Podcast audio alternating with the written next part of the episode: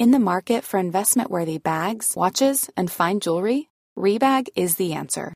Rebag is a luxury resale platform where each piece is carefully inspected by experts to ensure quality and authenticity. Use Rebag to buy and sell finds from the world's top brands, including Louis Vuitton, Chanel, and Cartier. Head to Rebag.com to get 5% off your first purchase with code REBAGNEW. Shop today at Rebag.com. That's R E B A G.com. And use promo code REBAGNEW for 5% off your first purchase. Hiring for your small business? If you're not looking for professionals on LinkedIn, you're looking in the wrong place. That's like looking for your car keys in a fish tank.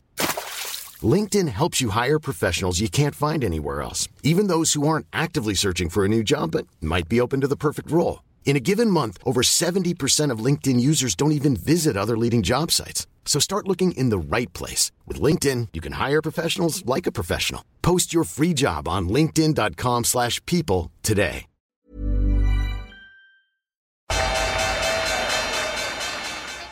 They mistook leverage for genius. Leverage for genius. I would recommend Japan. The governments don't rule the world. Goldman Sachs rules the world. Velkommen til en ny episode av podkasten 'Tid er penger', en podkast med Peter Warren. I dag skal vi snakke om den uh, veldige turbulensen som er i markedet om dagen. Vi skal se litt på de forferdelige utviklingene til te teknologiaksjer. Det er en ny studie om eh, porteføljeforvaltere og litt forskjellig.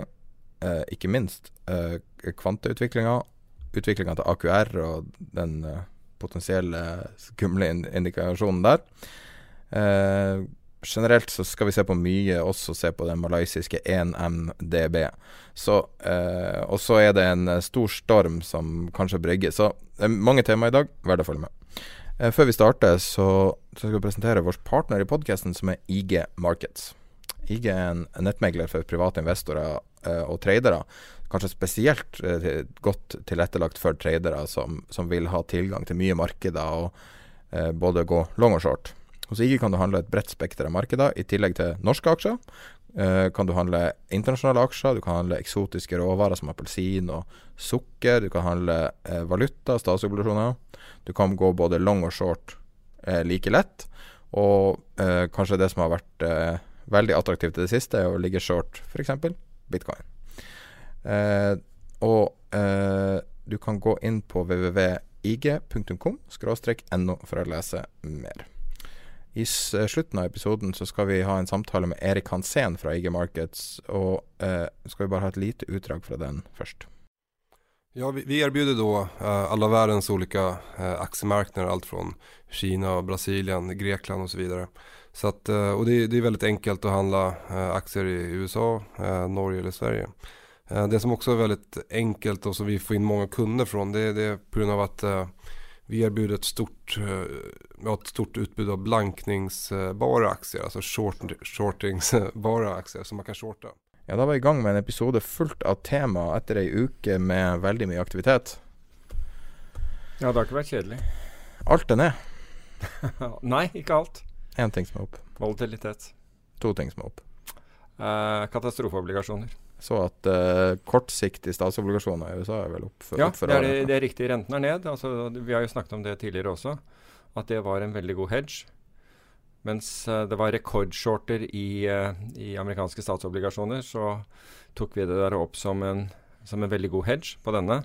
Uh, i, i, denne kanalen. Og det har nå vist seg, jeg så på KOT-statistikk, at uh, spekulantene har rolig trukket seg fra å være short i, i disse, i, statsobligasjonene. Og de statsobligasjonene opp, altså rentene har vel falt fra 3 og en kvart prosent på amerikanske tiåringen ned til ca. 3,05-3,06, tror jeg nå. Så det betyr at obligasjonskursen har steget. Ja, nei, det, det, er jo litt vanskelig å vite hvor man skal starte, men vi kan jo starte med Feng, da. De, det som har vært redninga til altså enhver forvalter som har bare eid én eller flere av de aksjene de siste, de siste årene, har eh, fått en freeride med Facebook og Amazon, kanskje Amazon spesielt, og mm. Apple, Google, Netflix. Ja, det er der eh, store, eller største delen av oppgangen har vært. Helt ja. klart. Og alt er over mer eller mindre.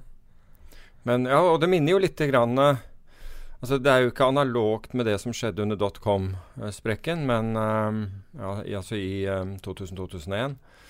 Men, um, men det, det, minner også, fordi flere og flere og flere ga opp alle andre. Altså, man skulle ikke eie verdiaksjer, man skulle inn i vekst. Man, det spilte ingen rolle om, om uh, selskapene var priset til en, uh, til en vekst som nærmest var urealistisk, og definitivt mer enn de tjente. Det var der pengene skulle. Mm. Og igjen, som bare for å eh, altså, Til det kjedsommelige så har vi jo på en måte snakket om årsaken her. Og det er rett og slett, etter min oppfatning, så er det de kvantitative lettelsene. Nemlig at sentralbankene presset ned, altså senket renten, kjøpte obligasjoner og presset ned obligasjonsrentene. Tvang folk over i aksjer. Volatiliteten falt i, um, i, um, i alle finansmarkeder. Og jeg så for øvrig en artikkel av Ray Dalio i um, i Bridgewater, altså verdens største hedgefond, og han nettopp sier at verden er belånt long aksjer. Mm. Det er problemet. Og vi har også snakket om tidligere, all, når alle blir konsentrert inn i én aktiva-klasse Med andre ord, før så hadde i hvert fall veldig mange både aksjer og obligasjoner. Nå blir de liksom klemt over i, i aksjemarkedet. Og risikoen i aksjemarkedet, belåningen i aksjemarkedet øker. Så sitter du på en potensielt meget ustabil, ustabil uh, ustabil aktiva-klasse. Ja, men det har jo altså ti år eller åtte år med bare nesten uforstyrra oppgang. Ja. Så det er jo vanskelig å være negativ i en periode. Ja. Det er vanskelig å være skeptisk. Det er vanskelig å være en truth teller, liksom. Du blir jo bare en sånn galning som står og roper på. Ja, håpløs i hvert fall, hvis du umiddelbart sa at dette ikke, ikke gikk bra. Ja. Um, altså Jeg syns det var en game changer i, i slutten av 2011 da disse seks sentralbankene kom inn og viste på en måte at de mente alvor. Da var det ikke lurt å gå imot, i hvert fall ikke umiddelbart. Um, og det varte og rakk. Men det har jo vart lenger enn noen hadde trodd. Også mye lenger enn noen sentralbank hadde trodd de skulle drive med dette her. Men USA var den første som tok, tok fornuften fangen, altså i oktober i Hva blir det nå? Var det ikke 2014? Hvor de, uh, hvor de sluttet med sine, uh, sine oppkjøp. Eller var det, ja, var det ikke 2014 allerede? Men, men, de har jo Når det var tapering, er det du tenker på? Ja, da, ja, altså hvor de sluttet. Og ECB da, har da redusert. Men problemet er at det er jo flere andre sentralbanker, kineserne, japanerne, sveitserne, svenskene osv., mm. som australierne, Storbritannia, som fortsetter å, å drive med kvantitative lettelser. Og så er jo alle de papirene fortsatt i aller høyeste grad kjøpt. Altså de er jo ikke solgt. Nei, og, og, du kan si at uh, kvantitative lettelser kombinert med hvordan hjernen vår virker, nemlig at vi gir størst betydning til det som nettopp har skjedd. Med andre ord, har det vært rolig, så tror vi at det skal fortsette å, å være roligere, uh, rolig. Det er danne grunnlag for at fæle ting kan skje. Og det så vi i begynnelsen av året. Da, altså, hva var det folk var? Jo, alle. Altså, det var aldri had, aldri i historien hadde så mange eid short volatilitetsprodukter, altså svingninger som uh, Unnskyld, uh, produkter som ville tape penger dersom svingningene økte i aksjemarkedet. Og så fikk vi denne XIV-implosjonen, altså hvor eh, dette produktet som var laget av eh, Credit Suisse og solgt gjennom en haug av banker verden over, faller da 98% på noen minutter. After Hours, til og med. After Hours, ja. ja. Vi, vi, snakket jo sammen akkurat når det der eh, det, Husker du det? Husker ja, jeg, jeg, jeg, jeg, er så stolt av det. Jeg er ja, så stolt av det, For jeg calla det idet det skjedde, før folk så det. Vi, vi, satt og diskuterte Jeg var i USA når det skjedde. Jeg, var, jeg satt på verandaen på hotellrommet. Ja, men Husker du, så sendte jeg deg melding, så spurte jeg Jeg skjønte ikke hva som skjer After Hours nå. Altså, hva er den som det var, det var, en eller annen Det var bare helt tilfeldig at vi så på det. Ja, ja. Og så var det fram og tilbake. Nesten gå og se på loggen, fordi at Men det var jo bare Altså Det var midt i tapet, så hvis ja, du klarte å, å, korrekt analysere hva som skjedde der Ja, det så, så, det så, jo ut som en feilprint. Det, det, det, det så jo ut som, som en, en flashcrash av et eller annet slag. Ja, ikke sant? Noe som skulle komme tilbake igjen. Ja. Og det var jo det utrolig mye folk trodde også. At det var en flashcrash, og nå kan jeg få tak i det her billig. Men i hvert fall, så det, det smalt der. Og så har vi også en, en, en lignende et lignende tilfelle nå som, som skjedde nylig også i USA. Det var en forvalter i Tampa i Florida. uh, som, uh, som heter optionsellers.com. Han er ikke en forvalter, det er jo det første. Han er Nei. jo et eller annet fam ikke, Family Office. Han er i hvert fall ikke et hedgefond, Nei, så, som det står alle steder. Men problemet her er jo at, eh, er jo at investorene blir forsøkt gjort ansvarlig for tapene. Altså utover de pengene de har, de har stilt til rådighet. Okay, må, Og, og det kan ikke skje hvis det er et hedgefond. Så den videoen er delt på gruppa. Så hvis du går på Facebook-gruppa og ser, så er det noen Hvis du scroller litt ned Det er link i det beskriver. Altså, den videoen er jo helt utrolig. Ja, ja. Nå spiller han i bakgrunnen her, og han sitter der på et tomt bord.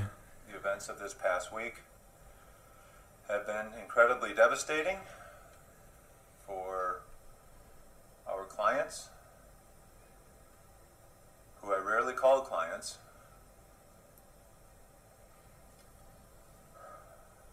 Around the office, and sometimes on phone calls. At han leser opp et eller annet manus som han burde ha sendt ut i mailform. Ja, det, definitivt. burde 500 Men- men nå- 000 seere. Ja, men nå, nå har det jo flere laget, uh, laget tilsvarende uh, videoer, altså sånn uh, som, som spøk. Og det er liksom Jeg er nødt til å selge Selge Bentleyen min og, og den ene Ferrarien. Og, Han har Rolex, ikke sant? Ja. sier det her. Så, um, men, eh, men i hvert fall, altså det Og det er jo egentlig akkurat det samme som eh, Altså det er ikke, det er ikke Vixen, altså det er ikke XIV-produktet. Men det disse gjør, er at de utsteder opsjoner på, på, på naturgass, natural gas. Ja. Og natural gas er som Altså hvis du Altså Hvis du tok en landmine og la den i et, i et bad av nitroglyserin, så er det i nærheten av, uh, av volatilitetspotensialet i, i naturgass.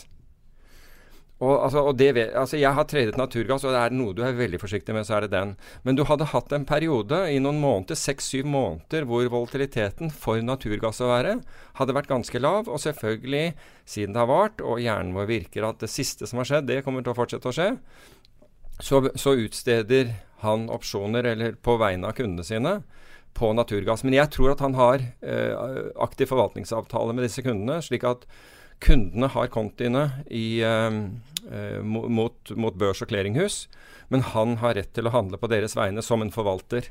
Og da blir nemlig kunden, da kan kunden bli ansvarlig. Det er helt riktig.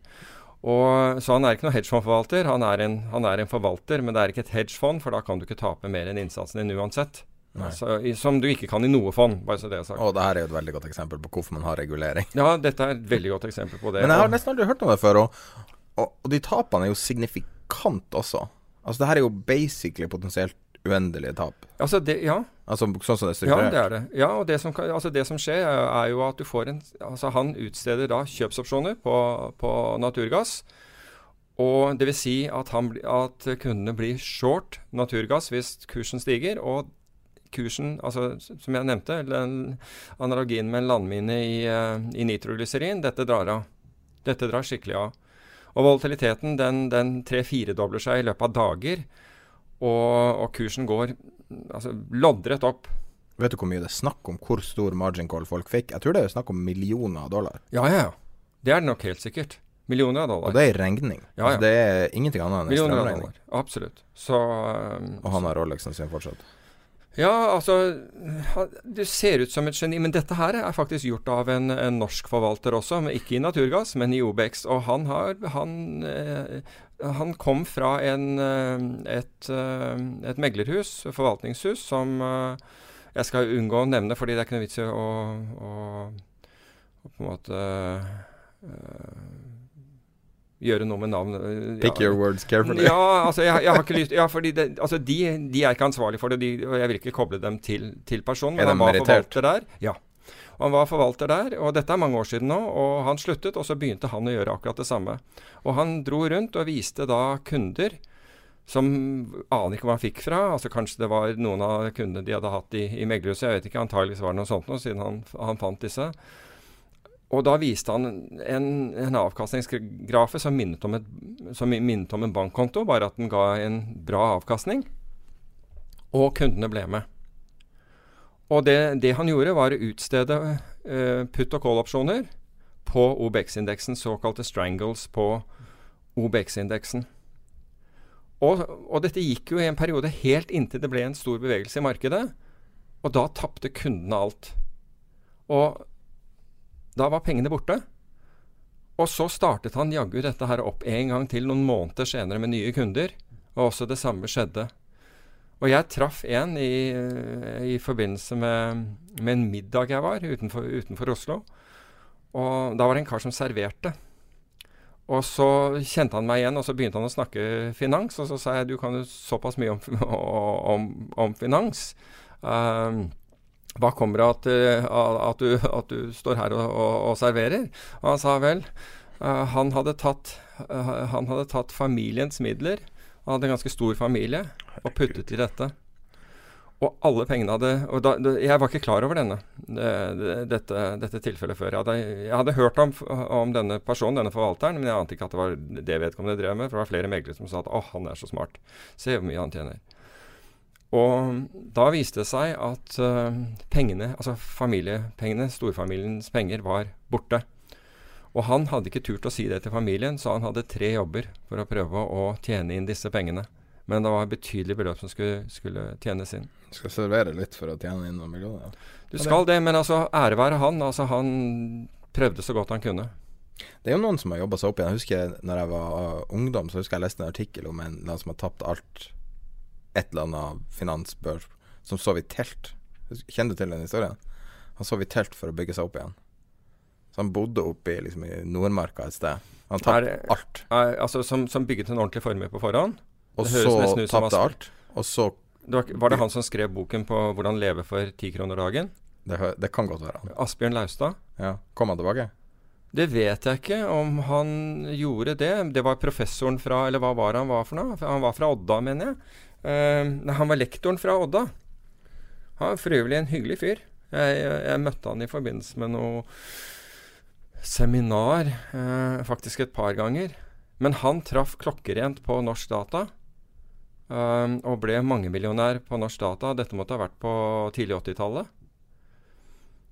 Og han hadde, litt av, han hadde litt av den samme uflaksen som egentlig jeg hadde da jeg startet, nemlig at du hadde rett på de første tingene du gjorde.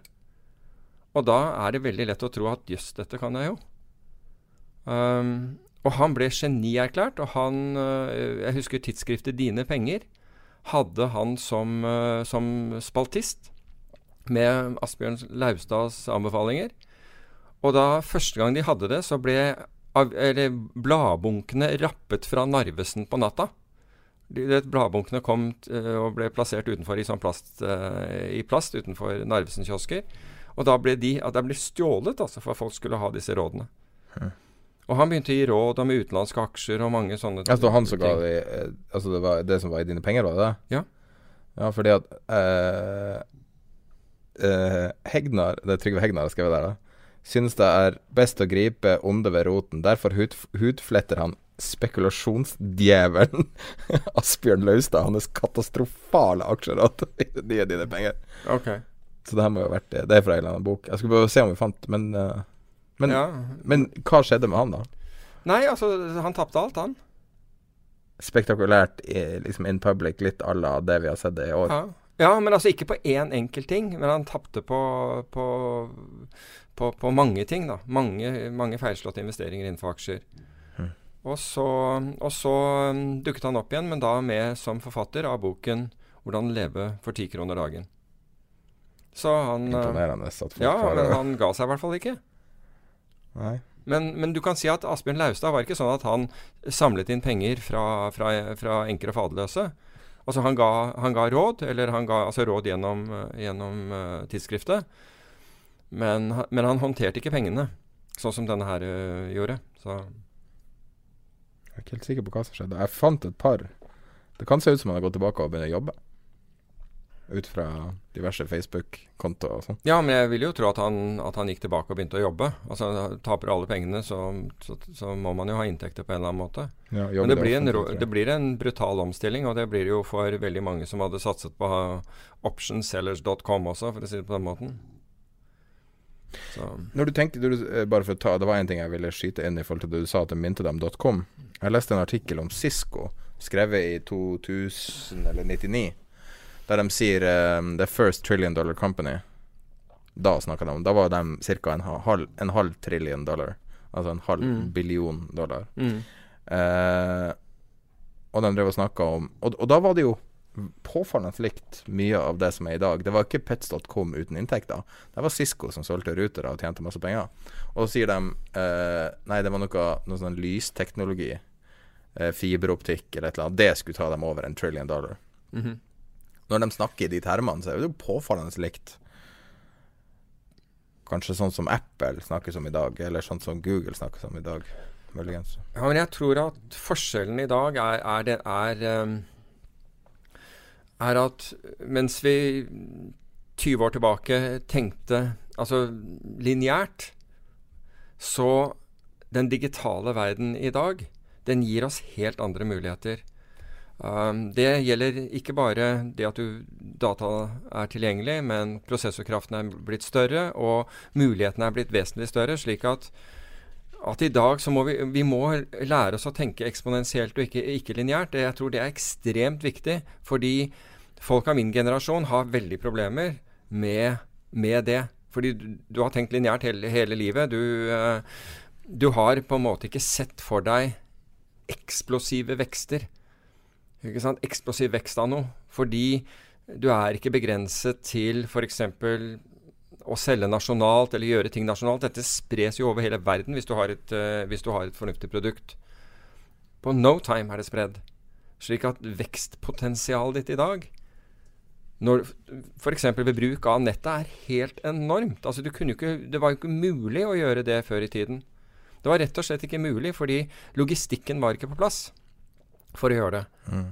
Det, det, var for, det, var for, mange barrierer. Det var, lot seg ikke gjøre. Du måtte ha store lagre. Alle disse tingene som, som, var nødvendig i, om du vil nå, jeg, nå, hater jeg egentlig å bruke uttrykket gammel og ny økonomi, men det har skjedd noe. Det er iallfall gammel og ny teknologi. Det, fall, det, kan vi i hvert fall være enige om.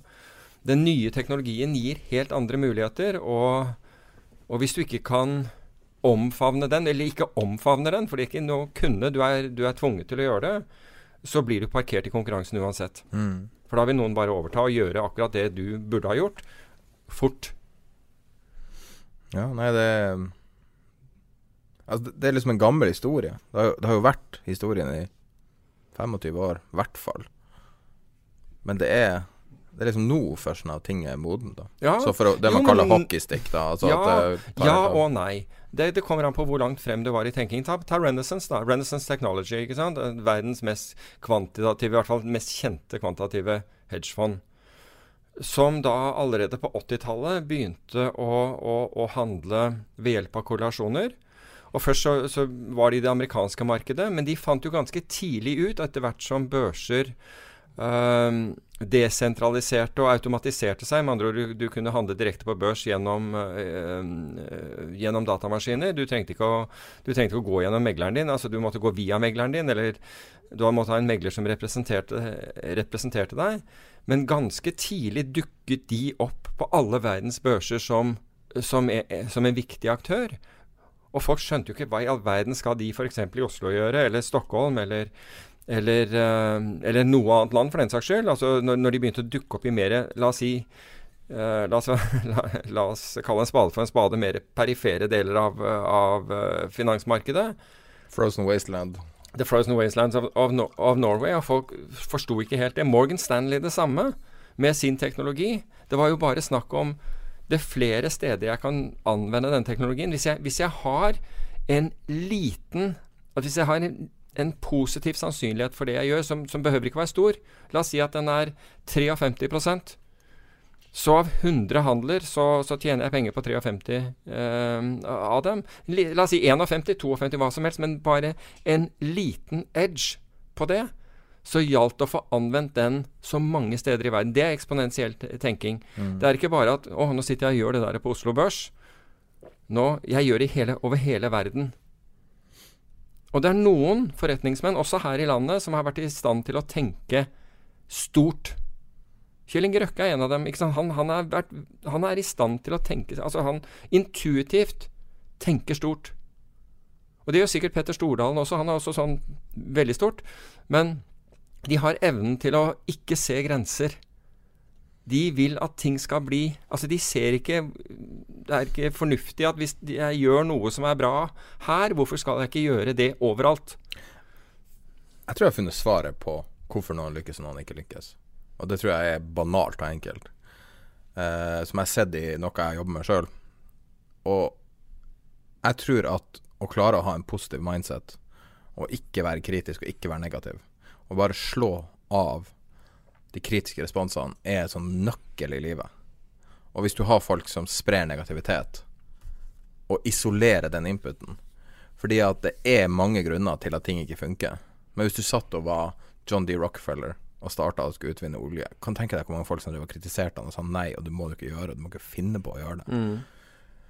Og du har sånn som en sånn klassisk historie, fantastisk bra skuespill og, og filmer og alt mulig, som er 'Death of a Salesman'.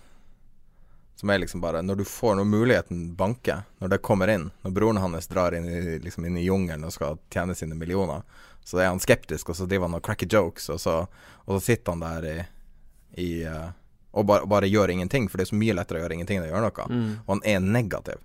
Og så kommer broren ut av, ut av jungelen, og så er han I walked in uh, poor man, I walked out a millionaire, eller hva han sier. Mm. Og, det, og den eneste forskjellen mellom de to fiktive karakterene, er at han var positiv, i mine øyne. Ja, men jeg, jeg, tror Ja, altså jeg tror du må være positiv, men jeg tror utholdenhet er, er det viktigste. Fordi uansett, Du kan være så positiv du vil, men uansett, i løpet av en, en karriere så vil du få mange til mye motgang. Motgang vil treffe deg, og du må klare å gå igjennom det. Altså Du må ha utholdenheten til å, å, å, å orke den smerten og fortsette. Mm. Og det tror jeg er det som skiller uh, de som lykkes fra de som ikke lykkes, mye mer enn en noe annet. Jeg, jeg, uh, jeg, jeg vet knapt noen jeg, altså, som bare har Altså som har hatt virkelig stor suksess, som bare har hatt suksess. De aller fleste har måttet gå gjennom mye motgang. Tenk om Kjell Inge Røkke som eksempelet ditt. Ja, men altså, altså Han har formelen. Han vet ja. hvordan han tjener penger. Så, og så Han gikk jo i null, mer eller mindre. Altså, det var jo altså, altså, brevet var skrevet fra banken, eller hva det var for noe. Og, og det var altså Det gikk jo legender om at han var helt i null. Det vet man jo ikke om det stemmer. Det går jo mye rykter om en sånn person. Men, men han har jo snakka om at det var skikkelig krise. Men han kom seg gjennom det. Mm. Apropos det. Så du intervjuet dette med Elon Musk? Bare overskriften. Ja. Der han sier at i sommer, men det er jo ikke så lenge siden, da, at Tesla var nær konkurs. Ja. Det, ja. det er litt spesielt. Og det er, ikke, det er jo ikke så lenge siden at det betyr at Han kan ikke være helt out of the woods enda. Men tydeligvis Nei, altså vi, vi, vi, altså vi, vi mente jo uh, altså Rett og slett på base av de, de, tilgjengelige tallene som var der, så mente vi jo at, at det var et var faktisk et sannsynlig utfall. Det gjorde Vi her, men vi snakket om det her på, her på podkasten. Um, men uh, altså, han har hatt evnen til å, å reise seg, og uh, kan si at han har ikke alle disse evnene som har vært lovlige. Da. Altså, den, den siste, siste, kortet han dro, den med at uh, Saudi kom inn og skulle komme inn og kjøpe, var jo blank løgn. Mm. men, uh, men uh, tydeligvis så Men myndighetene har da valgt å tilgi, tilgi ham for det. Men Er du enig i at det at du er fortsatt short i noen måneder til, eller mm. to, eller noe sånt, ja. og en gratis short samme om det går opp eller ned, du taper ingenting? Nei, ikke I motsetning fra, til de option sellers. Ja, ja, ikke, ikke fra den opprinnelige handelen, nei. Så, nei. så det er ingen risiko. Altså, Men er det ikke litt sånn på en måte litt sånn tilfredsstillende? Altså, det er en eller annen, det er en eller annen uh, utility Ja, men det er utility i at du tar feil også. Fordi at ja, men, en, en, del av meg vil heie på han ja. som en næringsdrivende. Ja. Og jeg liker litt at han gir faen i reglene og, og, gjør noe helt crazy og sier ting som er ulovlig. For det er på en måte det som skal til for å lykkes også. Altså Jeg liker ikke den biten av det, men, men, jeg, men jeg, liker jo at folk som Musk altså ikke ser grenser. Nå, nå snakker jeg på, på teknologiside og, og i, i, business. Ikke ser grenser mm. og tenker annerledes enn andre. Jeg vil jo si at jeg, jeg ville synes det var synd dersom han forsvant, definitivt. Mm. Jeg, altså, man trenger disse, men det det er, tydelig at man trenger på en måte et, et, nettverk rundt dem, eller en organisasjon rundt dem som på en måte holder de litt på, på Om ikke på skinnene, så i hvert fall i nærheten, da. Um, han burde ikke være et public company, det er jo så enkelt. Hadde han tatt seg ut av den sfæren, så kan du gjøre og si hva du vil. Ja, nå har han jo ved, altså ved å være et public company, så har han jo fått veldig mye penger.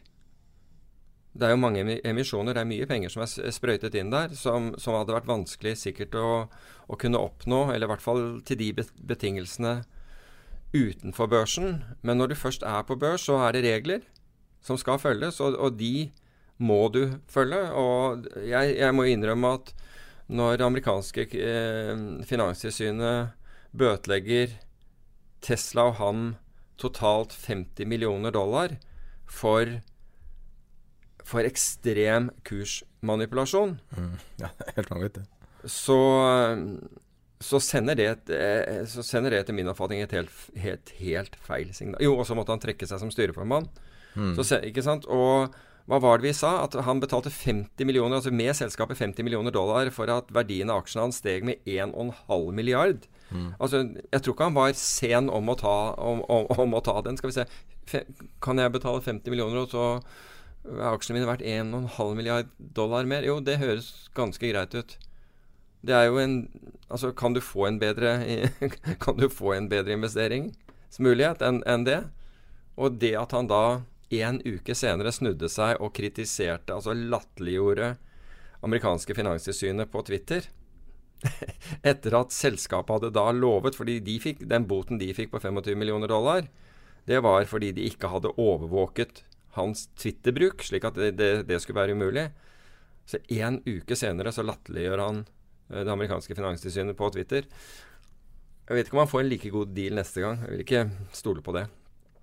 Men, men altså tilbake, hvis jeg kan bare gå tilbake til det derre uh, Du har rett, men allikevel taper du penger. Jeg vil he mye heller ha, egentlig Altså hvis jeg kunne velge Eh, så vil jeg mye heller ta feil og, og tjene penger enn, enn, å ha rett og ikke tjene penger. Jeg, jeg vet ikke helt, altså. For jeg tror at i forhold, til Kjell Inge Røkke, så tror jeg formelen er viktigere enn pengene.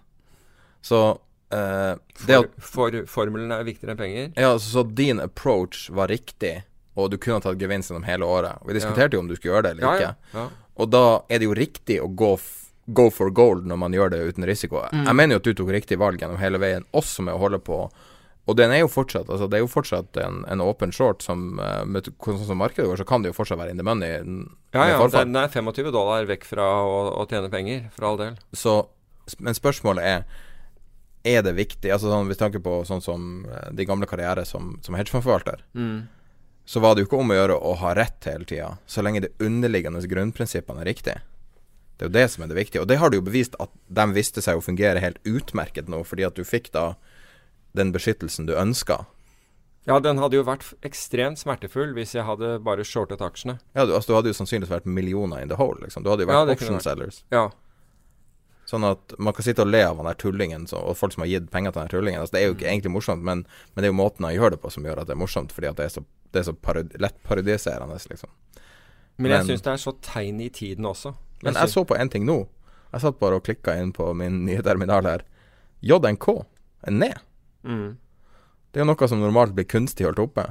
Altså junk-ETF-en. Ja, high yield. Ja, både high yield og, og investment grade er, er, ned. Investment grade er faktisk enda mer ned. Jeg, jeg skrev en blogg om dette for uh, ja, en uke siden eller, eller noe sånt. Um, men det er Men i motsetning til i 2008 I 2008 så begynte jo, uh, så begynte jo disse uh, disse kredittobligasjonene, altså obligasjoner utstedt av selskaper, å falle kraftig mens aksjemarkedet fortsatte sin opptur. Og det var det som for meg var uh, the canary in the coal mine i 2008. Det var nettopp dette at det her stemte ikke, fordi obligasjonene var sikrere enn aksjene i, i bedriftenes kapitalstruktur. Og den usikre delen går opp, og ja, der er det full fest, mens, mens obligasjonene begynner å falle. Eh, så kan man si at hva med i dag? For i dag har du også en, en, et lignende tilfelle.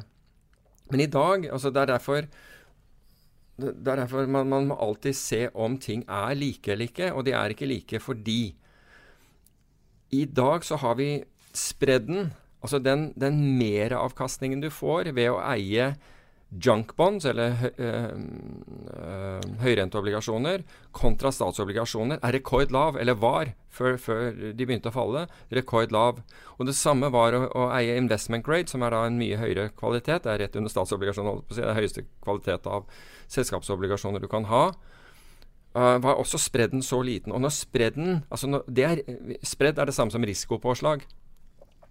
Og når risikopåslaget blir så lite altså hvis, tar, ta, hvis, hvis, vi ser på high yield da, for å ta, for å ta høyrenteobligasjoner, så er det det nærmeste du kommer aksjer i et selskaps kapitalstruktur.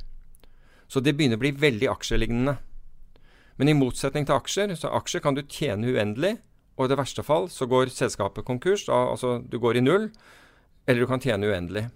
Så, er, så kan også obligasjoner gå i null hvis selskapet går konkurs og det er ikke ting igjen. Eh, og særlig hvis det er høyrenteobligasjoner som er da mye dårligere sikret enn andre ting, så kan du risikere at du ikke får igjen noe. La oss si at, Så det er det verste som kan skje. Men du er begrenset til den renten du får på oppsiden. Og Det er klart at da, det er det samme som å selge en put-opsjon, det. Når folk mm. glemmer det. Og det er det samme som å utstede en put-opsjon på selskapet. Fordi jeg, jeg, får inn lite grann, men jeg kan tape uendelig mye. Eller jeg kan tape alt. Um, Folk liker jo direkteavkastninga. Ja, gjerne det. Gjerne det. Men poenget mitt er at når du får for lite, når det risikopåslaget blir for lite, da er det den riktige, altså sånn risikomessige eh, beslutningen å si vet du hva, her får jeg så lite at jeg kan like gjerne ha aksjer, eller jeg kan trekke meg ut totalt. Men her er ikke stedet å være, for jeg får veldig lite betalt hvis, jeg, hvis dette går bra, og jeg taper veldig mye hvis det går dårlig. Mm. Og det er det vi har sett, nemlig at markedet har vært misfornøyd med, med det risikopåslaget. Plutselig har forvalterne begynt å våkne opp og dette her er ikke så godt betalt. Tenk om det blir litt ruglete der ute. Og så har man sett at verdensveksten har avtatt, og gjelden har økt, og alle disse tingene her. Men til en viss grad så er det jo risikoen for at Jeg vil kalle det rigga marked, men det er veldig lett for at det blir rigga.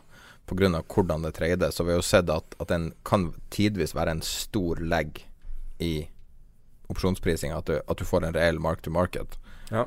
Uh, fordi at i Norge så handles det ingenting i de her, i de her, uh, i de papirene, mer eller mindre. Det er veldig, altså Hvis du sammenligner med aksjer, f.eks. Nei, ikke i forhold til aksjer, men, men, det, handl men, det, ja, men det, handles. Og, og, vi så jo det veldig godt i, under finanskrisen. Jeg tror markedet sikkert er blitt litt bedre etter det, men i finanskrisen var at de ble ikke oppdatert. Prisene ble ikke oppdatert. Nei. Og, det minner jo Hva heter den indeksen? Den, finans, det allerede, den um, eh, IBX, eller hva det heter den der? Uh, Hvilken er det? det? Det, er jo veldig god heter, Jeg husker ikke hva det heter, men den um, i, The Big Short, som jeg konstant refererer til. Uh, og det er veldig bra hvis man skal huske hvordan det var. Så ser man, og så sjekker de markedet. Uh, altså den um, Tenker du på, tenker du på iTrax eller den amerikanske? Eller? Ja, den iTrax-indeksen, jeg husker ikke hva den heter. Den, uh, ja. Uh, jeg ja, står stille for meg hva den amerikanske fall, heter. Det er en veldig god illustrasjon av det jeg prøver å si, da. Ja. Som er at ABX. ABX, ja. Mm. Uh, så du sitter, uh, du sitter og ser på at alt går til helvete på TV. Mm. Og skrur du på terminalen din, og så, og så, er den helt flat. Så det at, at, at du ser et prisfall for obligasjonene, syns jeg er interessant i seg sjøl. Mm. Det kan bety at det reelle prisen er veldig mye lavere enn det. For det er jo ikke noe stort fall for, for den ETF-en nå. Nei, altså du, hvis du ser på den på årsbasis, hva er den ned da? 5-6 og, og investment grade, altså den enda sikrere del av Altså de mest sikre obligasjonene er ned over 8 mm. uh, på årsbasis. Så det er jo liksom Man burde jo sette seg opp i stolen og si hei sann. Men det er ned. Det er og, det, det, og det tenker jeg, er det her liksom Står det på stupet? Eller kommer noe å forandre seg? Men altså, det er jo realitet. Det er jo realitet. Da kommer selskapene til å bare konke én etter én, og så er det masse usikre obligasjoner. Altså, jeg tar det jo det Jeg tar det litt som et godt tegn at, at disse faller, fordi eh, det betyr at in investorene er ikke sløve. Nei. Altså, de sitter ikke der og ser eh, altså jeg, syns, jeg, syns, jeg må ærlig innrømme at jeg syns uh, risikopåslaget ble altfor lite.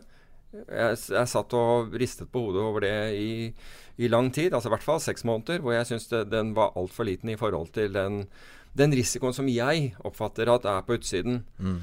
Men det at, det at forvaltere da velger å komme seg ut av dette, ser jeg som et, et sunnhetstegn rett og slett på, for, for, markedet.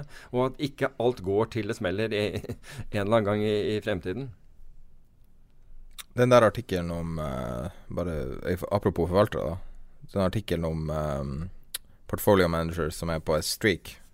Ja, er, det, det, er jo en, um, det, er en den, det er en studie laget av Essentia i London.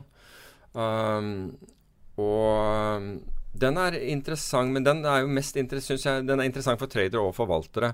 Men spesielt tradere. Fordi det den viser, det er at hvis du da hvis du da har en, enten en vinnerrekke eller en taperrekke, la oss si at, og, og, den, og den varer over, over, over, fem dager Du har Så medfører den en stor sannsynlighet for at vi endrer atferd. Dette er ikke normalt distribuert. altså er, Det er ikke likt på begge sider. Det er ikke likt av, av to årsaker. Men hvis vi ser på Hvis du har tapsrekken, da vil 41% som har, har tap, 41% vil begynne å øke aktiviteten sin. De vil begynne å trade mer, og de vil begynne å ta større posisjoner. Og det studien viser, er at dette leder til ytterligere tap. Du vil tape mer med denne atferdsendringen. Hva med vinnere, da? Vinnerne på andre siden, der er det bare én av fire som endrer atferd. For dem Altså øk, de har også økt aktivitet, men den ender bortimot i null. Altså de, de får ikke noe særlig ut av den. Så egentlig så det blir bare kostnader ut av det. Men også de endrer atferd, fordi du får den der litt sånn euforiske 'jøss, dette går bra'. Poenget er at begge deler, altså winning streaks and losing streaks, resulterer i endret atferd. Og så kan du si Og ingen av dem vil du tjene penger på. Altså begge får deg til å, deg til å ville, ville handle mer. Men på, på oppsiden ikke, har det ikke vært, altså viser studien at det er ikke så farlig. Altså du, du taper omkostningene, kurtasjen Du kommer ikke til å tjene noe mer. I hvert fall gjennomsnittet gjør ikke det ved den økte aktiviteten. Men det, går, men det er først og fremst på nedsiden hvor det slår ut til at det betyr at resultatene dine kommer til å forverre seg. Mm. Og jeg vet det selv. Jeg, jeg er en av de som definitivt øker tradingaktiviteten min når det går mot meg. Da ser jeg etter flere muligheter, og, og, og volumet mitt går opp.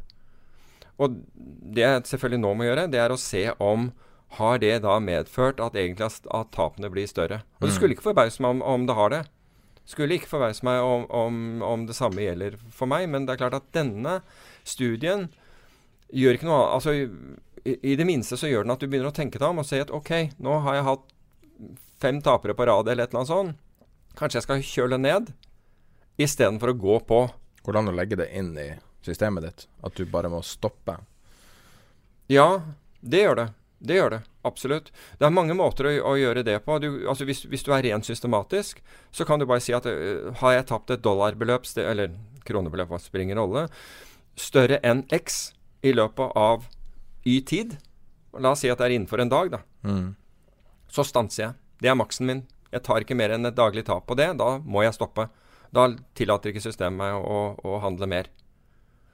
Så det er fullt mulig. Eller ja. hvis rekken Men rekken er ikke nødvendigvis uh, veldig bra, fordi hvis, hvis, du er systematisk i alt det du gjør, så har jeg gjort det på den måten at hvis du, hvis du har modeller som som handler for deg, så forhåpentligvis har du gjort statistiske tester på dem. Du vil ha sett hvor mange tap på rad du kan ha. Og du vil vite det innenfor ett, to og tre standardavvik. Altså med andre ord med, med la oss si to tredjedels sannsynlighet, 95% sannsynlighet og 99% sannsynlighet. Ok? Og jeg tenker jo at så lenge tapsrekken, ikke tapsstørrelsen, men nå ser vi bare på rekken, er innenfor f.eks. et standardavvik, så bryr jeg meg ikke om det. Kommer den, øker den til to standardavvik, da kanskje jeg begynner å sette meg opp i stolen, for nå er det jo liksom Det er jo bare 5% sjanse at vi skal være her. Og slik at sånne ting vil, vil få Fordi da Hvis den øker vesentlig utover denne, utover denne rekken, da tenker jeg at ny informasjon er kommet til markedet. Markedet har endret karakter. Det er veldig greit å altså, Hvis du ikke har oppdaget det før, så, så, så bør du kanskje sette deg opp i stolen nå.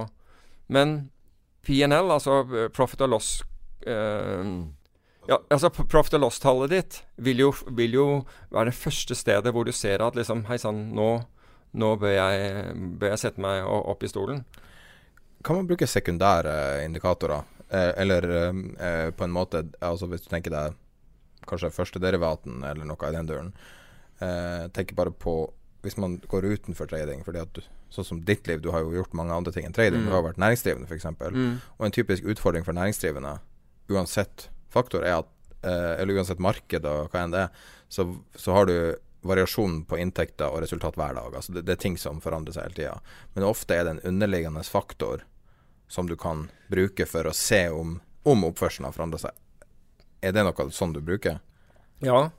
Du skjønner hva jeg spør om? Ja, ja, ja, ja, Hva som er opprinnelige driveren av resultatet? Som er, som, skjul, som, er, skjult av volatiliteten, på en måte? Ja, ja, helt klart. Helt klart. Fordi du kan si at vi, eh, Men hvis du går tilbake til Bare for å ta det i, i finans, fordi det er kanskje litt lettere å forstå, uh, så er det jo Så kan det jo være faktorer som f.eks. momentum, da, som vil, vil ødelegge for, uh, for, det vi kaller mean reverting-strategier. F.eks. Uh, hvis du handler par mot hverandre, altså du, du kjøper en oljeaksjen mot en annen osv. Altså En kraftig momentumøkning i markedet vil jo ødelegge for disse. Um, på samme måte som når marked, altså hver gang markedet Så du må prøve å finne ut hvilke faser hvilke faser er det disse virker best i, disse modellene jeg har virker best i, slik at du får en, en analyse av det. Når du har gjort det, så, så, går det på å finne ut Går det an å forutsi? Altså med andre ord, fins det en alfa? Kan jeg finne en alfa som forteller meg når disse fasene endrer seg? Hva, er det som, altså, hva skjer i markedet? Og da, da, er det det neste du, du, prøver å analysere. Og det er mange som tror at, at pris Altså når du, du, snakker om førstederivat altså Mange tror at liksom, prisen er, er, det originale som du, som du analyserer. Fordi de, de anser at liksom, alt er basert på pris. Men pris er faktisk er et derivat. Pris er derivat av ordreboken. Ja. Så hvis du skal enda lenger fram, så må du faktisk begynne å analysere ordreboken. Og det, eh, det, krever for det første mer data og en litt annen tenking. Men det er spennende, det òg. Hva er det som skjer med Cliff Esnes og AQR nå? Nå har det jo altså det vært noe som kan se ut som en sånn cataclysmic event for dem. Vi har snakka om det forrige, forrige episode. Og så eh, er han utrolig mye ute å snakker. Jeg lurer på om han er desperat, rett og slett. Jeg, jeg, tror ikke at han er det. Jeg hørte det intervjuet som, eh, som du anbefalte for meg. For meg. Er det, er det, delt på gruppen? Ja, og det er kommentaren hans. Jeg, jeg tror det intervjuet er delt. Ok, Men, men, men i hvert fall, hvis ikke kan du ikke dele det. Fordi ja. det er et veldig godt intervju på, av han på, på gruppen. Jeg syns det er veldig bra. Men han, han påpeker en del, eh, en del artige ting eh, der, blant annet. Og Nei, jeg, altså, men for å svare på spørsmålet ditt Nei, jeg tror ikke det. Men jeg tror at det, jeg har sett flere av disse kvantfondene. Eh, resultatene til de, til de, og de er alle kraftig negativt i, i, eh, i oktober. Og det skulle ikke forundre meg. Jeg har sett altså, jeg har sett hedgefond som normalt sett ikke taper mye penger, plutselig taper mye penger nå. Og nå så jeg en, eh, en studie som jeg leste i dag morges, som er fra Eureka Hedge, som sier at dette er, dette er då, oktober var, var, var, det dårligste resultatet for hedgefond på ti år. Oi. Så det er betydelig, det som Siden finanskrisa? Ja, eller etter finanskrisa, eller hva? Ja, så, ja, ja, det er det dårligste siden, siden 2008. Jesus. Så, og da må vi begynne å se Og jeg tror at svaret på det er, og dette har vi snakket om før, så for de av dere som har, uh, har lyttet til tidligere podkaster, så håper jeg ikke jeg kjeder dere altfor mye, men det er, det er, bruken av belåning. Og jeg tror uh, på akkurat samme måte, dette tok vi opp i forrige episode, som august 2007. Da hadde du en quant meltdown. Alle disse kvantefondene og Det gjelder også Renaissance, bare så det er sagt. Renaissance Technology 2, hele gjengen. Worldcont. Alle tapte den måneden. Mm. Kraftig. Og det var rett og slett for det fantes så mange copycats, altså så mange hadde etter hvert skjønt litt om hva disse drev med. Ja. Og forsto lite grann om hva modellene deres gjorde, og da lagde antakeligvis litt dårlige kopier av hva disse gjorde. Men, men, du får jo ikke noe penger hvis du har samme, samme avkastning som Renaissance eller AQR. Da går folk til i hvert fall ikke, ja, De kan ikke gå til Renaissance, i hvert fall ikke um, hovedfondet, for der kommer du ikke inn. Men du kan komme inn, komme inn hos andre. Men, men da går de til brandnavnene. Så skulle du utmerke deg, så hadde du belåning.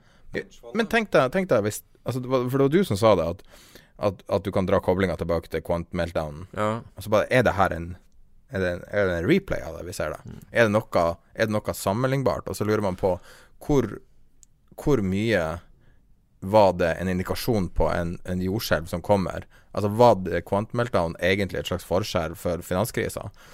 Altså Timinga er veldig mm. påfallende mm. til å Man kan jo ikke bare kategorisk si at det var ikke det. Det var noe. Det var, det var stort. Ja det, Altså, jeg vil vel Jeg er enig med deg hvis du på base av én ting, og det var at Quant Meltdown var et tegn på belåning i markedet. Leverage. Ikke sant? Og leverage er det som senker markedet i 2008. Ikke sant? Fordi du levered up idiotiske uh, strukturer.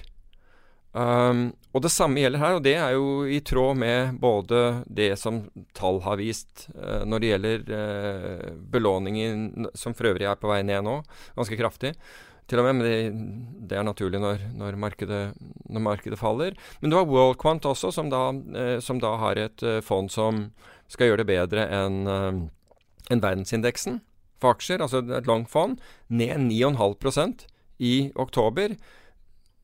Dette er ekstremt flinke folk. Ned 9,5 Det er skremmende tall, men de er fortsatt oppe året, bare så det er sagt.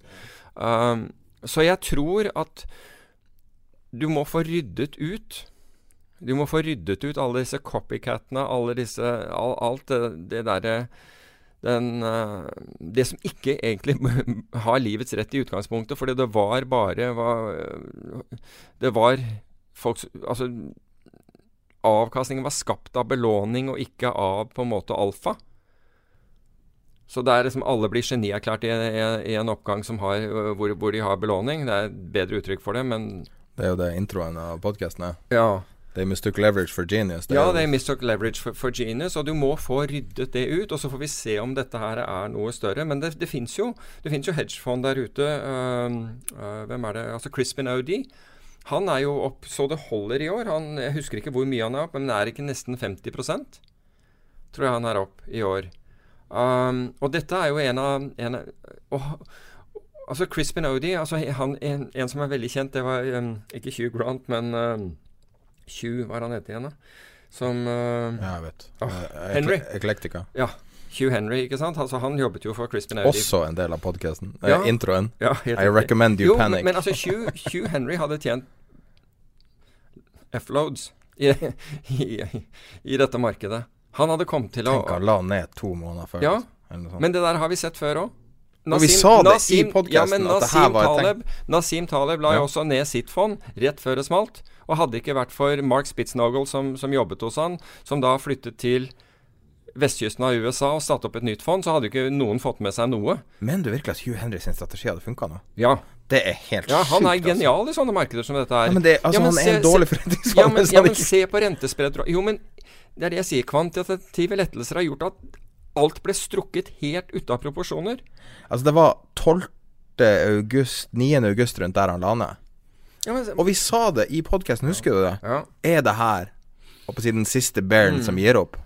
Det var noe sånn vi... men, men, problemet er altså Crispin Odie Det samme, han har jo liksom blitt Masse investorer har Har, har, um, har uh, forlot han. Um,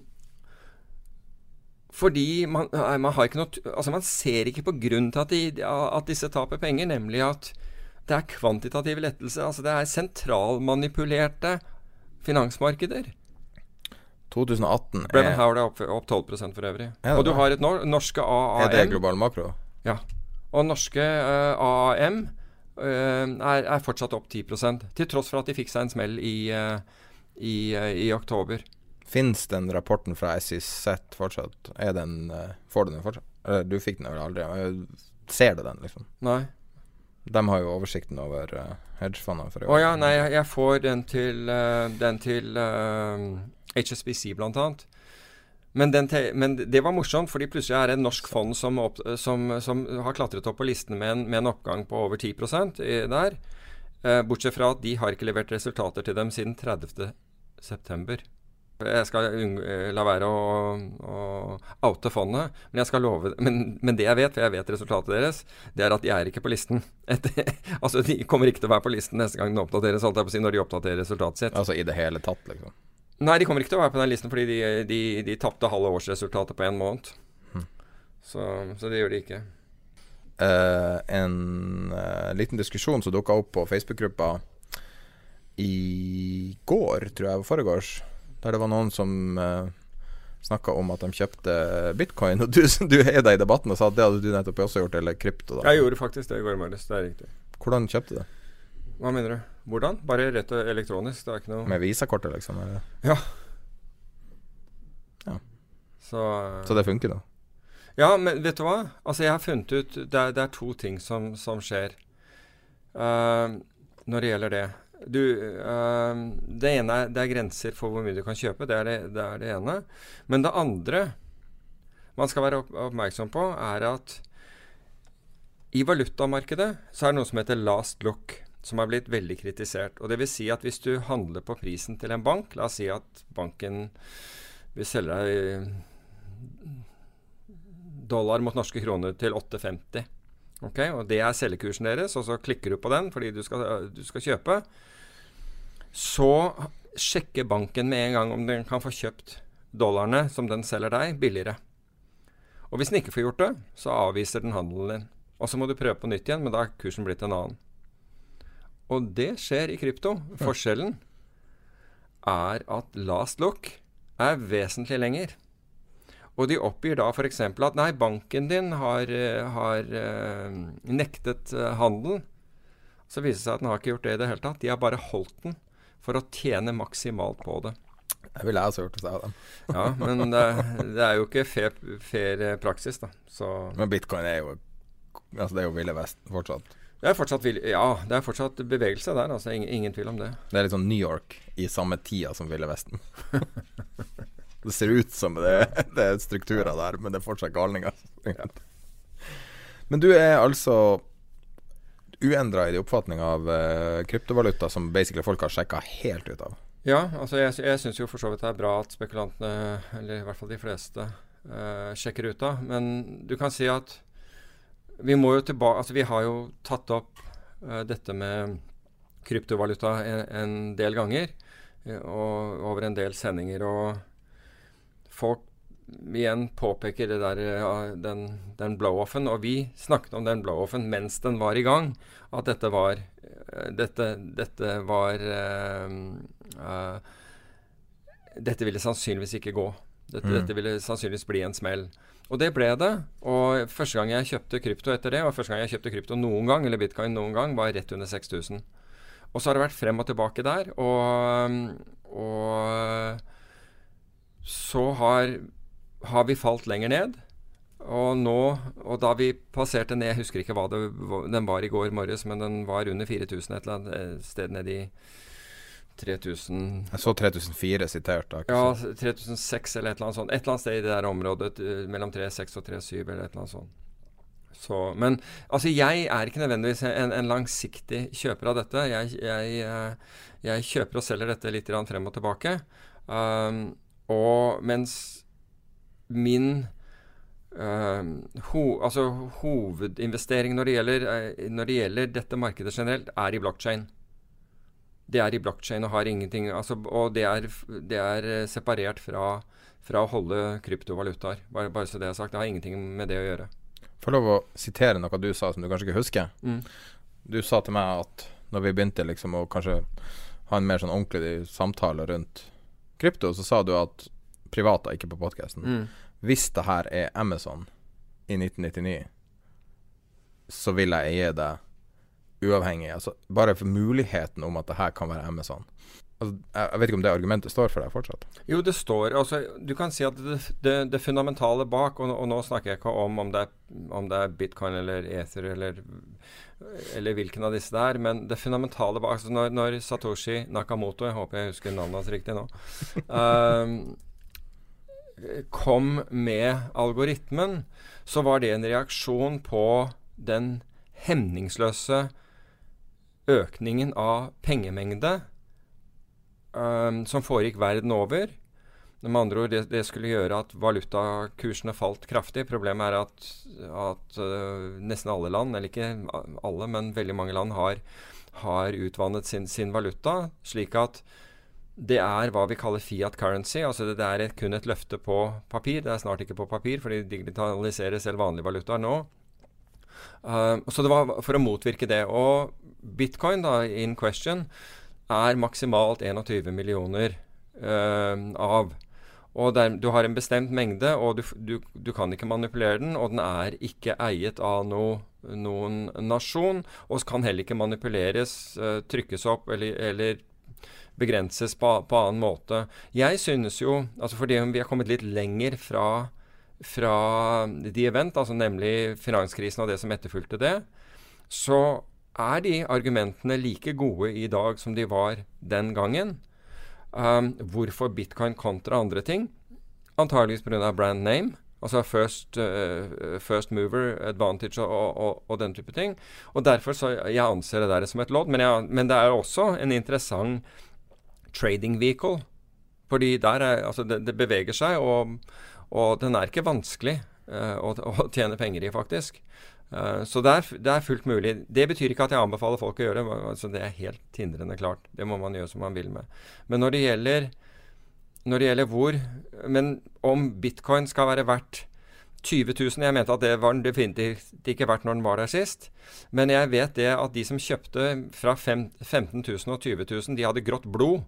Hvis de hadde, hvis de hadde kunnet vente å kjøpe den nå. Men, men som i alle andre slike tilfeller, alle skal eie det når, når, når, det er høyt priset, og ingen vil eie det når det er billigpriset. Se bare på oljeprisen. Alle var overbevist når oljeprisen var på over 80 dollar fatet at, at, det skulle opp. Alle. Altså Du så ikke en oljeanalytiker som ikke, var, eh, som ikke mente det skulle opp. Og hva er, hva er konsekvensen av det? Jo, i dag er vi på 60.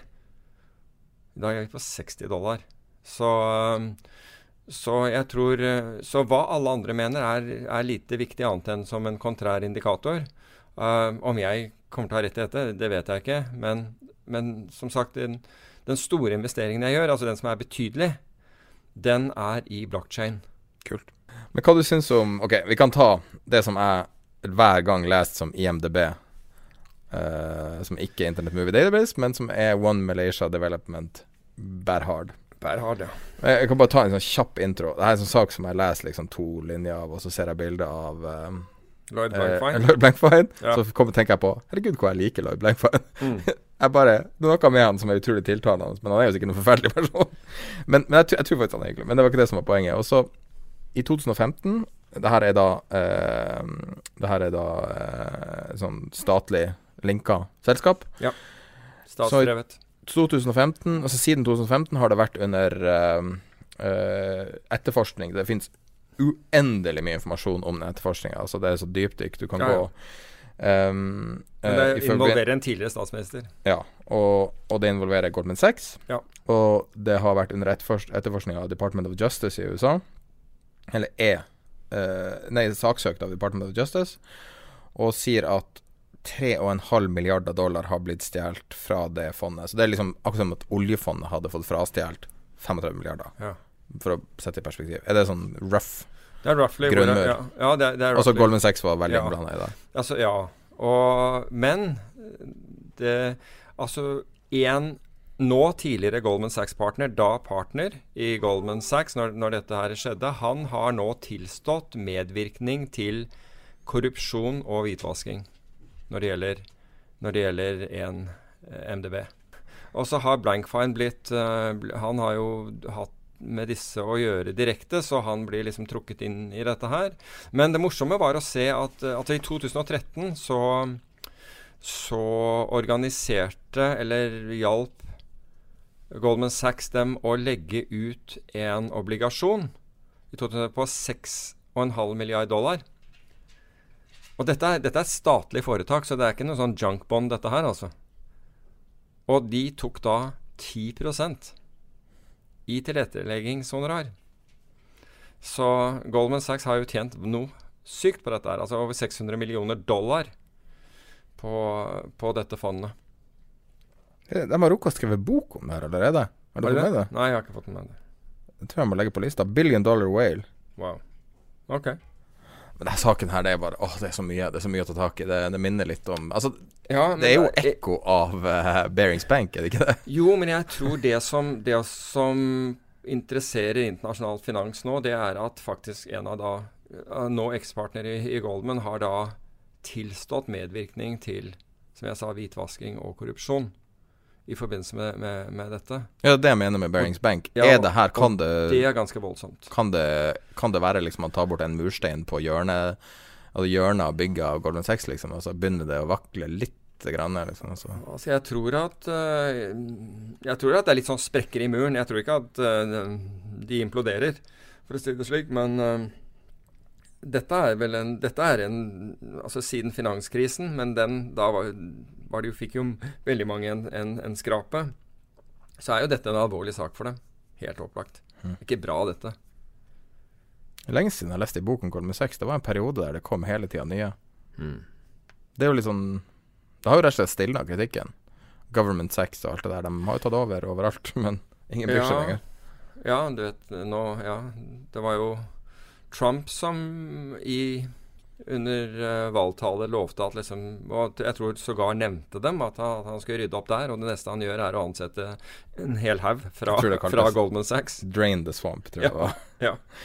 Isteden så oh, ansatte han en hel rekke folk fra, fra Goldman Sachs. Ok, hopper litt fra eh, IMDb skråstrek 1MDB. Eh, kjenner du til han Josh uh, Nå glemte jeg navnet hans. Reform Broker. Brown. Josh Brown. Jeg lukka linken. Ja, jeg Nei, jeg vel jeg, Du vet kjenner, er? Jeg kjenner navnet, ja. Ja. Han er en kommentator på CNBC. Han er en forvalter, ganske konservativ forvalter. Eh, en av de største proponentene av eh, veldig billig indeksfond og alt sånt. Og jeg tror han er en veldig fornuftig person å, å parkere pengene hos, eh, skulle jeg tro. Eh, jeg, jeg liker stilen hans. Han er ofte ikke så aggressiv i sine eh, meninger. Ganske nyansert, selv om han har et veldig fargerikt språk. Og han hadde, mens han venta på det at det skulle komme noe, eh, så satt jeg bare og så litt på diverse ting som, som kunne være interessante.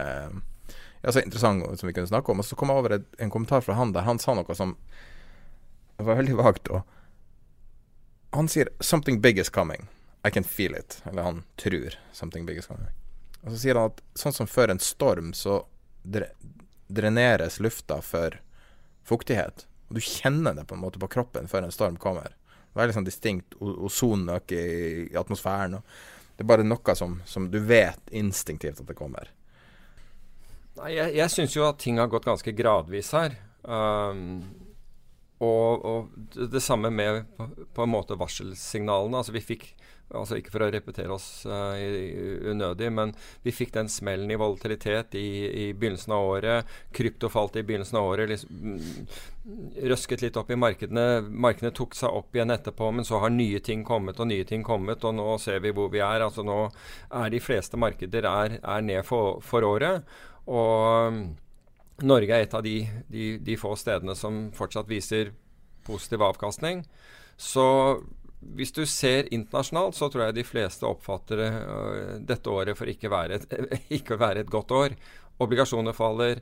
Uh, altså vi, vi var innom dette med kredittobligasjoner i sted. Aksjemarkedene faller. Det er ikke mange som har positiv avkastning i år internasjonalt. Men så har du Men Norge igjen er litt sånn la-la-land, i hvert fall foreløpig. Og hvis du ser mot øh, altså Der hvor folk skulle liksom var, var sikre på at, at, var, at man skulle putte penger, der har det nesten gått gærent overalt. Altså F.eks. teknologiaksjer, som vi nevnte. Innenfor oljeservice, altså hvis du ser på oljeserviceindeksen i USA, den er ned 30% Og der var jo også sånn der hvor folk tok penger ut av banken for å putte inn i oljeservice, og det, var jo, det er jo ikke så lenge siden. Uh, man kom opp med en ETF på, på bulk. Den er jaggu klart å falle 30% på en, må, en enkel måned. Så det er ganske ruglete rundt omkring. Men, men jeg tenker at for internasjonale investorer så, så, er de liksom inne i dette her allerede og justerer sine porteføljer. Og vi var inne på det i sted, hvordan man ser belåningen kommer ned, på porteføljer blir altså Man går over til Jeg tror du leste noe innledningsvis, at man, man, går over til mer defensive aksjer. Så veldig mange har allerede begynt å, å, å endre på på porteføljene sine, og du ser av volatilitet at folk driver og beskytter seg, og aktiviteten i opsjonsmarkedet er høy osv. Så, videre, så men det som er Det er bare én forklaring på at et, et uh, kursfall, altså et aksjefall på 10% og nå snakker jeg på indeksbasis, skulle, skulle gi sånt kraftig utslag som, som, at man kan si det er det verste som har skjedd siden finanskrisen. 10% nedgang er liksom det verste som har skjedd. Vi har hatt større, har større fall enn det, men hvorfor det oppfattes som det verste, er belåning. Belåningen er økt, slik at effekten er kanskje tre ganger så høy. Eller fire ganger så høy. At folk har tatt 40% 50% og mange mer enn det. Og noen, mange faktisk, i hvert fall her i landet, sitter med illikvide posisjoner. Som, som, det er ikke noe take-out på. Du ringer rundt og prøver å få, få interesse for å kjøpe dette, men, men, det er ikke stor interesse for det. Og da blir du liksom på en måte låst inn i det, i det du har. Og da, hvis jeg kan gå bare kjapt tilbake til intervjuet vi snakket om i sted med Cliff Asnes i AQR, hvor han påpeker uh, fra hans tid i, uh, i Goldman Sachs, hvor uh, det, er, det, er, kraftig nedgang i markedet.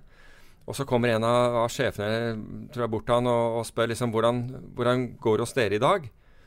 Og, eller det er en, en, fra en annen avdeling som kom bort til han. Og han sier vi er flate. Og så sier han andre fyren great, det, det, er jo fantastisk på en dag som dette her, alt har gått til helvete. Og så sier, eh, og, Mens han andre sitter nesten i private equity, altså sitter i småaksjer, og sier hvordan går det hos dere, og de er long. Nei, det er det samme hos oss, sier han. Er, vi er flate på dagen. Han sa det er ikke mulig, hvordan kan vi være flate på dagen? Og saken var at det var så illikvid at ingen handlet det. Mm. Og det er jo mark to model. Liksom. Ja, det, ja, det er jo mark to model. Det er mark to last mark, ikke sant? Mm -hmm. og, og, det er jo på en måte det som skjer innenfor private equity. Jeg husker i 2000 Det var vel i 2008, hvis ikke så var det i 2003 den nedgangen. altså Hvor et private equity-fond eh, eh, i, i, Norge, som sitter, i Oslo, de market ikke ned porteføljen sin i det hele tatt. For den var ikke børsnotert, så det var ikke noe vits i å, å marke den ned. Men tenk deg hvis du skulle selge en portefølje av illikvide belånte aksjer i meltdown i, uh, så, som endte i 2003, eller, eller meltdown i 2008. Du hadde ikke fått mye for den. Hadde, hva hadde du fått? Du hadde fått uh, ti øre på krona eller et eller annet sånt. Det er jo realiteten. Men det at man ikke ser det, så tror folk at jøss, her er det ikke noe volatilitet. Dette jo, ser veldig bra ut ja, forskjellen er at giring Det er derfor det føles såpass dramatisk. Fordi giringen er så høy. Det, men vi har visst at giringen var høy. fordi altså Statistikk har vist oss det. Um, både fra børsene, men clearinghus og andre steder, så har jo det banker også, har jo vist at belåningen har vært veldig høy i finansielle aktiva. Og dermed så får det altså da, da slår det ut mye, mye, mye kraftigere, slik at 10 faktisk føles Altså 10% ned på aksjemarkedene blir mye mer dramatisk hvis du har, en, hvis, hvis du har belåning. Og det har jo vært mulig også å låne voldsomt. Folk har jo ikke lånt altså, øh, altså de, de kan ha lånt fra to til, til femgangeren. Vært helt mulig fordi volatiliteten har vært så lav. Så alle disse risikomodellene har jo sagt at ja, det er jo helt greit. Fordi det her er, er svinger det lite. Never trust a risk model. Bruk sunn fornuft. Ikke lodd ut en vest. Hvis du rithviter IG, så du, kan du være med i trekning av en IG-vest. En IG? Vest. Vest? Vest. Ok, Er det en skuddsikker, eller? liksom. Oh. Ja. Okay. Det var en oppfordring til alle lytterne om å uh, følge IG Norge på, på Twitter. Jeg, jeg, bruker personlig ikke Twitter. Uh, bruker, bruker du det fortsatt? Ja. Syns det er veldig bra. Ja, Da kan du gå inn og retweete IG Norge på en vest. Jeg kan være med i trekninga. Eh, det ligger også i gruppa på en link til det. Hvis jeg får en skuddsikker keramisk en, så skal jeg vurdere det. Har du lest boka 'Bad Blood'? Nei. Den har fått utrolig mye omtale.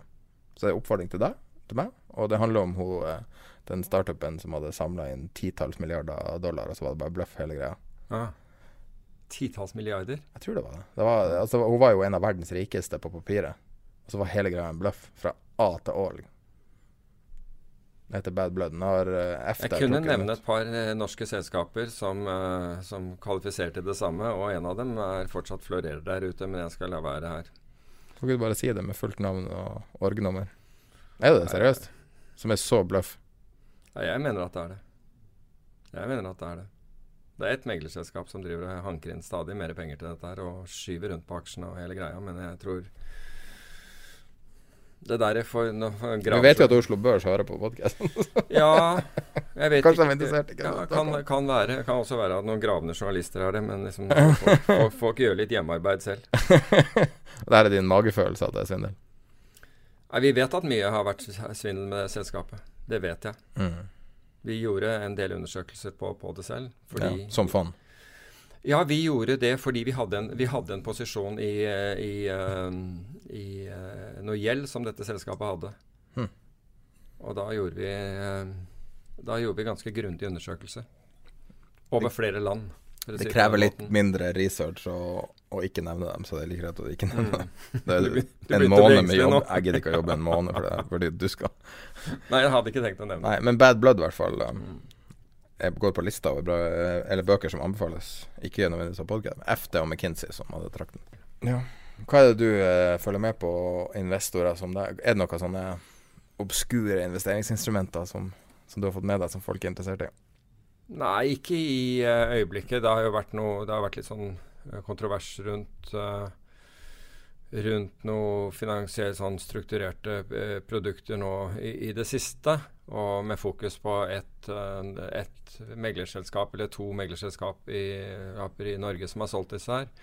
Um, og, og, de er jo relativt kompliserte. Det, det er jo greit nok, men jeg til syvende og sist så, så, lurer jeg på hvorfor det er slik at Altså det har vært sånn og, uh, siden i flere tiår nå at dette er ikke, dette, altså disse instrumentene som disse selskapene Jeg har ingen connection til disse selskapene, var så det er helt sagt, men jeg har liksom blitt kontaktet om det for, for å regne på det osv. av media. Det er derfor jeg har liksom sett på det. Men det som slår meg, det er at uh, slike instrumenter kommer først i på en måte i, i um, kritikernes lys når Altså når mindre meglerselskap begynner å selge dem. Faktum er at banker har solgt dette her i flere tiår. Mm. Men det er først når og, og, sånn var det med den forrige generasjonen av strukturerte produkter også. Så lenge banker gjorde det, så skjedde det ingenting. Når det var bare var banker, men etter hvert som andre meglerforetak, mindre, begynte å selge disse her, så fikk man plutselig ble satt søkelys på det. Og det er det samme med, dette her, med, med, med denne her også. Så, og det er litt interessant, syns jeg, at liksom historien bare gjentar seg med akkurat, akkurat det. Og ja, det er kompliserte produkter. Definitivt er det det. Men ingenting eh, Akkurat nå så er det statsobligasjoner og diverse? Nei, altså det fins jo altså Med en gang når det blir volatilitet, så blir det alltid muligheter. Jeg tenker på som du interesserer deg. Liksom. Ja, jeg, jeg, interesserer meg jo stadig med nye ting innenfor, uh, innenfor, uh, innenfor markedene. Og volatilitet gjør jo at du får veldig mange flere uh, datasett. Fordi du får prøvd mange ting ut som du ikke får prøvd i veldig stille markeder. Så nå er det faktisk mulig, og det, og det er interessant i seg selv. Mm. Og, og, for å prøve å finne det vi kaller alfasignaler, altså noe som kan forutsi eh, fremtidig kursutvikling. Og da mener jeg ikke de neste tre månedene eller sånt. Det kan bare være i kursutviklingen de neste sekundene, for den saks skyld. Og, og kortere noen ganger. Men, men vi, vi, snakker ikke om, vi snakker ikke om å forutsi verden. Men uh, hva var det? Altså World Quant mente at de hadde de begynte med eh, Altså han som står bak, han begynte med ett alfasignal. Han hadde funnet én signal. Det var noe som foregikk mot slutten av dagen. Han fant en sånn anomalitet i dataene på eh, like før børsene stengte hver dag. Og han utnyttet det. Um, og klarte å tjene penger på det. Og så ut ifra det så bygget han flere. Men WorldQuant er jo nå sånn at du kan Hvis du tror at du har funnet den hellige gral eh, på en eller annen måte i, i, markedet, noe som virker, så kan du uploade til deres systemer og, og, og teste dem. Er, Worldcount er ikke den eneste som gjør dette. Det finnes andre selskaper også. Og hvis det virker, og, og, du er innenfor deres kriterier, så, så, blir du betalt hver gang de tjener penger på det. Altså, Da leaser du det til dem. Uh, men, og nå har de millioner av sånne alfasignaler, tro det eller ei. Så det er 100 000 uh, folk som har, har lastet opp uh, ideene sine til dem. Men jeg syns det der er kjempespennende, og det blir bare flere. Altså Folk finner Altså, ingenting varer evig, og i, i, dag så har du jo kortere halveringstid enn noen gang, fordi det er så, prosessorkraften er så kraftig, altså hastigheten unnskyld, er så kraftig, at, uh, at, noen finner ut hva du gjør, eller finner ut det samme som deg ganske fort. Men i den tiden det, det virker, så, så, så, tjener du penger. Mm. Og De fortalte at den som, hadde, som hadde, den som hadde tjent best, var en, en uh, gårdbruker i Taiwan som hadde funnet noe. Og det var i hvert fall på det tidspunktet, i hvert fall i, i sommer, så var det det som hadde gitt dem den, den, største, den, den, største, payouten. Eller hvor de hadde betalt ut den største payouten til, til vedkommende for et signal. Spennende. Eh, da tror jeg vi avslutter med en samtale med Erik Hansen fra IG Markets. Og så eh, gjentar jeg altså, det kan være greit å følge IG Norge på Twitter. Og hvis du retweeter den siste det bildetweeten deres, så kan du vinne en vest. hvis du vil ha det. eh, da ses vi om to uker. Ja, det bra. Fram til rundt år 2000 så handla nordmenn stort sett bare norske aksjer.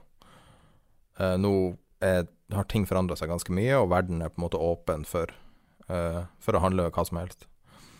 Uh, kan man handle aksjer fra utlandet på samme måte med IG Market som man handler norske? Hvordan funker det? Og hvordan kan man gire og eventuelt shorte utenlandske aksjer? Hva med børsnoterte fond og ETF-er og sånne ting? Ja, vi, vi erbjuder då uh, alla världens olika uh, aktiemarknader, allt från Kina, Brasilien, Grekland och så vidare. Så att, uh, och det, det, är väldigt enkelt att handla aktier i USA, Norge eller Sverige. det som också är väldigt enkelt och som vi får in många kunder från det, det är på grund av att vi erbjuder ett stort, ett stort utbud av blankningsbara aktier, alltså short, shortingsbara aktier som man kan shorta. Majoriteten av våra aktier Eh, på IG kan man också shorta, eh, det vill säga spekulera i en nedgång. Eh, och det är ju ofta en, någonting som är väldigt viktigt för en, en trader. Att både kunna agera på upp och på, nedsidan. Så det, det, finns en lista på vår hemsida där man kan se vilka aktier man kan shorta. Är det så att man kan shorta dem i själva plattformen så är det alltid en aktielåneränta under 6%. Är det så att man inte kan shorta den i plattformen då kan man alltid ringa in till mäklarbordet och snacka med våran uh, trading desk. Uh, och då kan det vara så att de kan försöka hitta ett aktielån. och då kan det vara så att aktielåneräntan blir lite högre. våra mäklare kollar ju då med bankerna i, London, Merrill Lynch, och JP Morgan, Goldman Sachs och UBS kring, kring aktielån. Då. Så att vi är väldigt duktiga på att erbjuda blanknings eller shortingsbara aktier. I Norge da, hva, hva, kan man shorte? Hvor stor andel av aksjene er mulig å shorte? Jeg har ikke det på, på rak arm exakt hvor stor andel men uh, man kan shorta majoriteten av, av aksjene. Alle de store?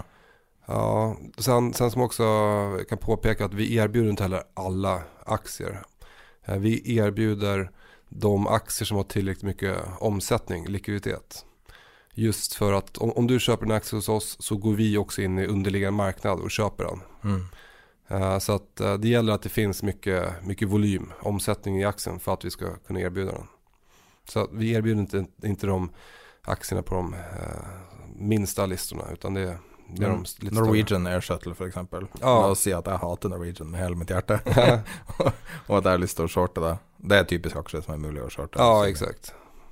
Uh, jag kan ta ett exempel också, Next. Uh, för några år sedan så rusade den ordentligt när Ola Rolén gick in uh, som, som, som, ägare där.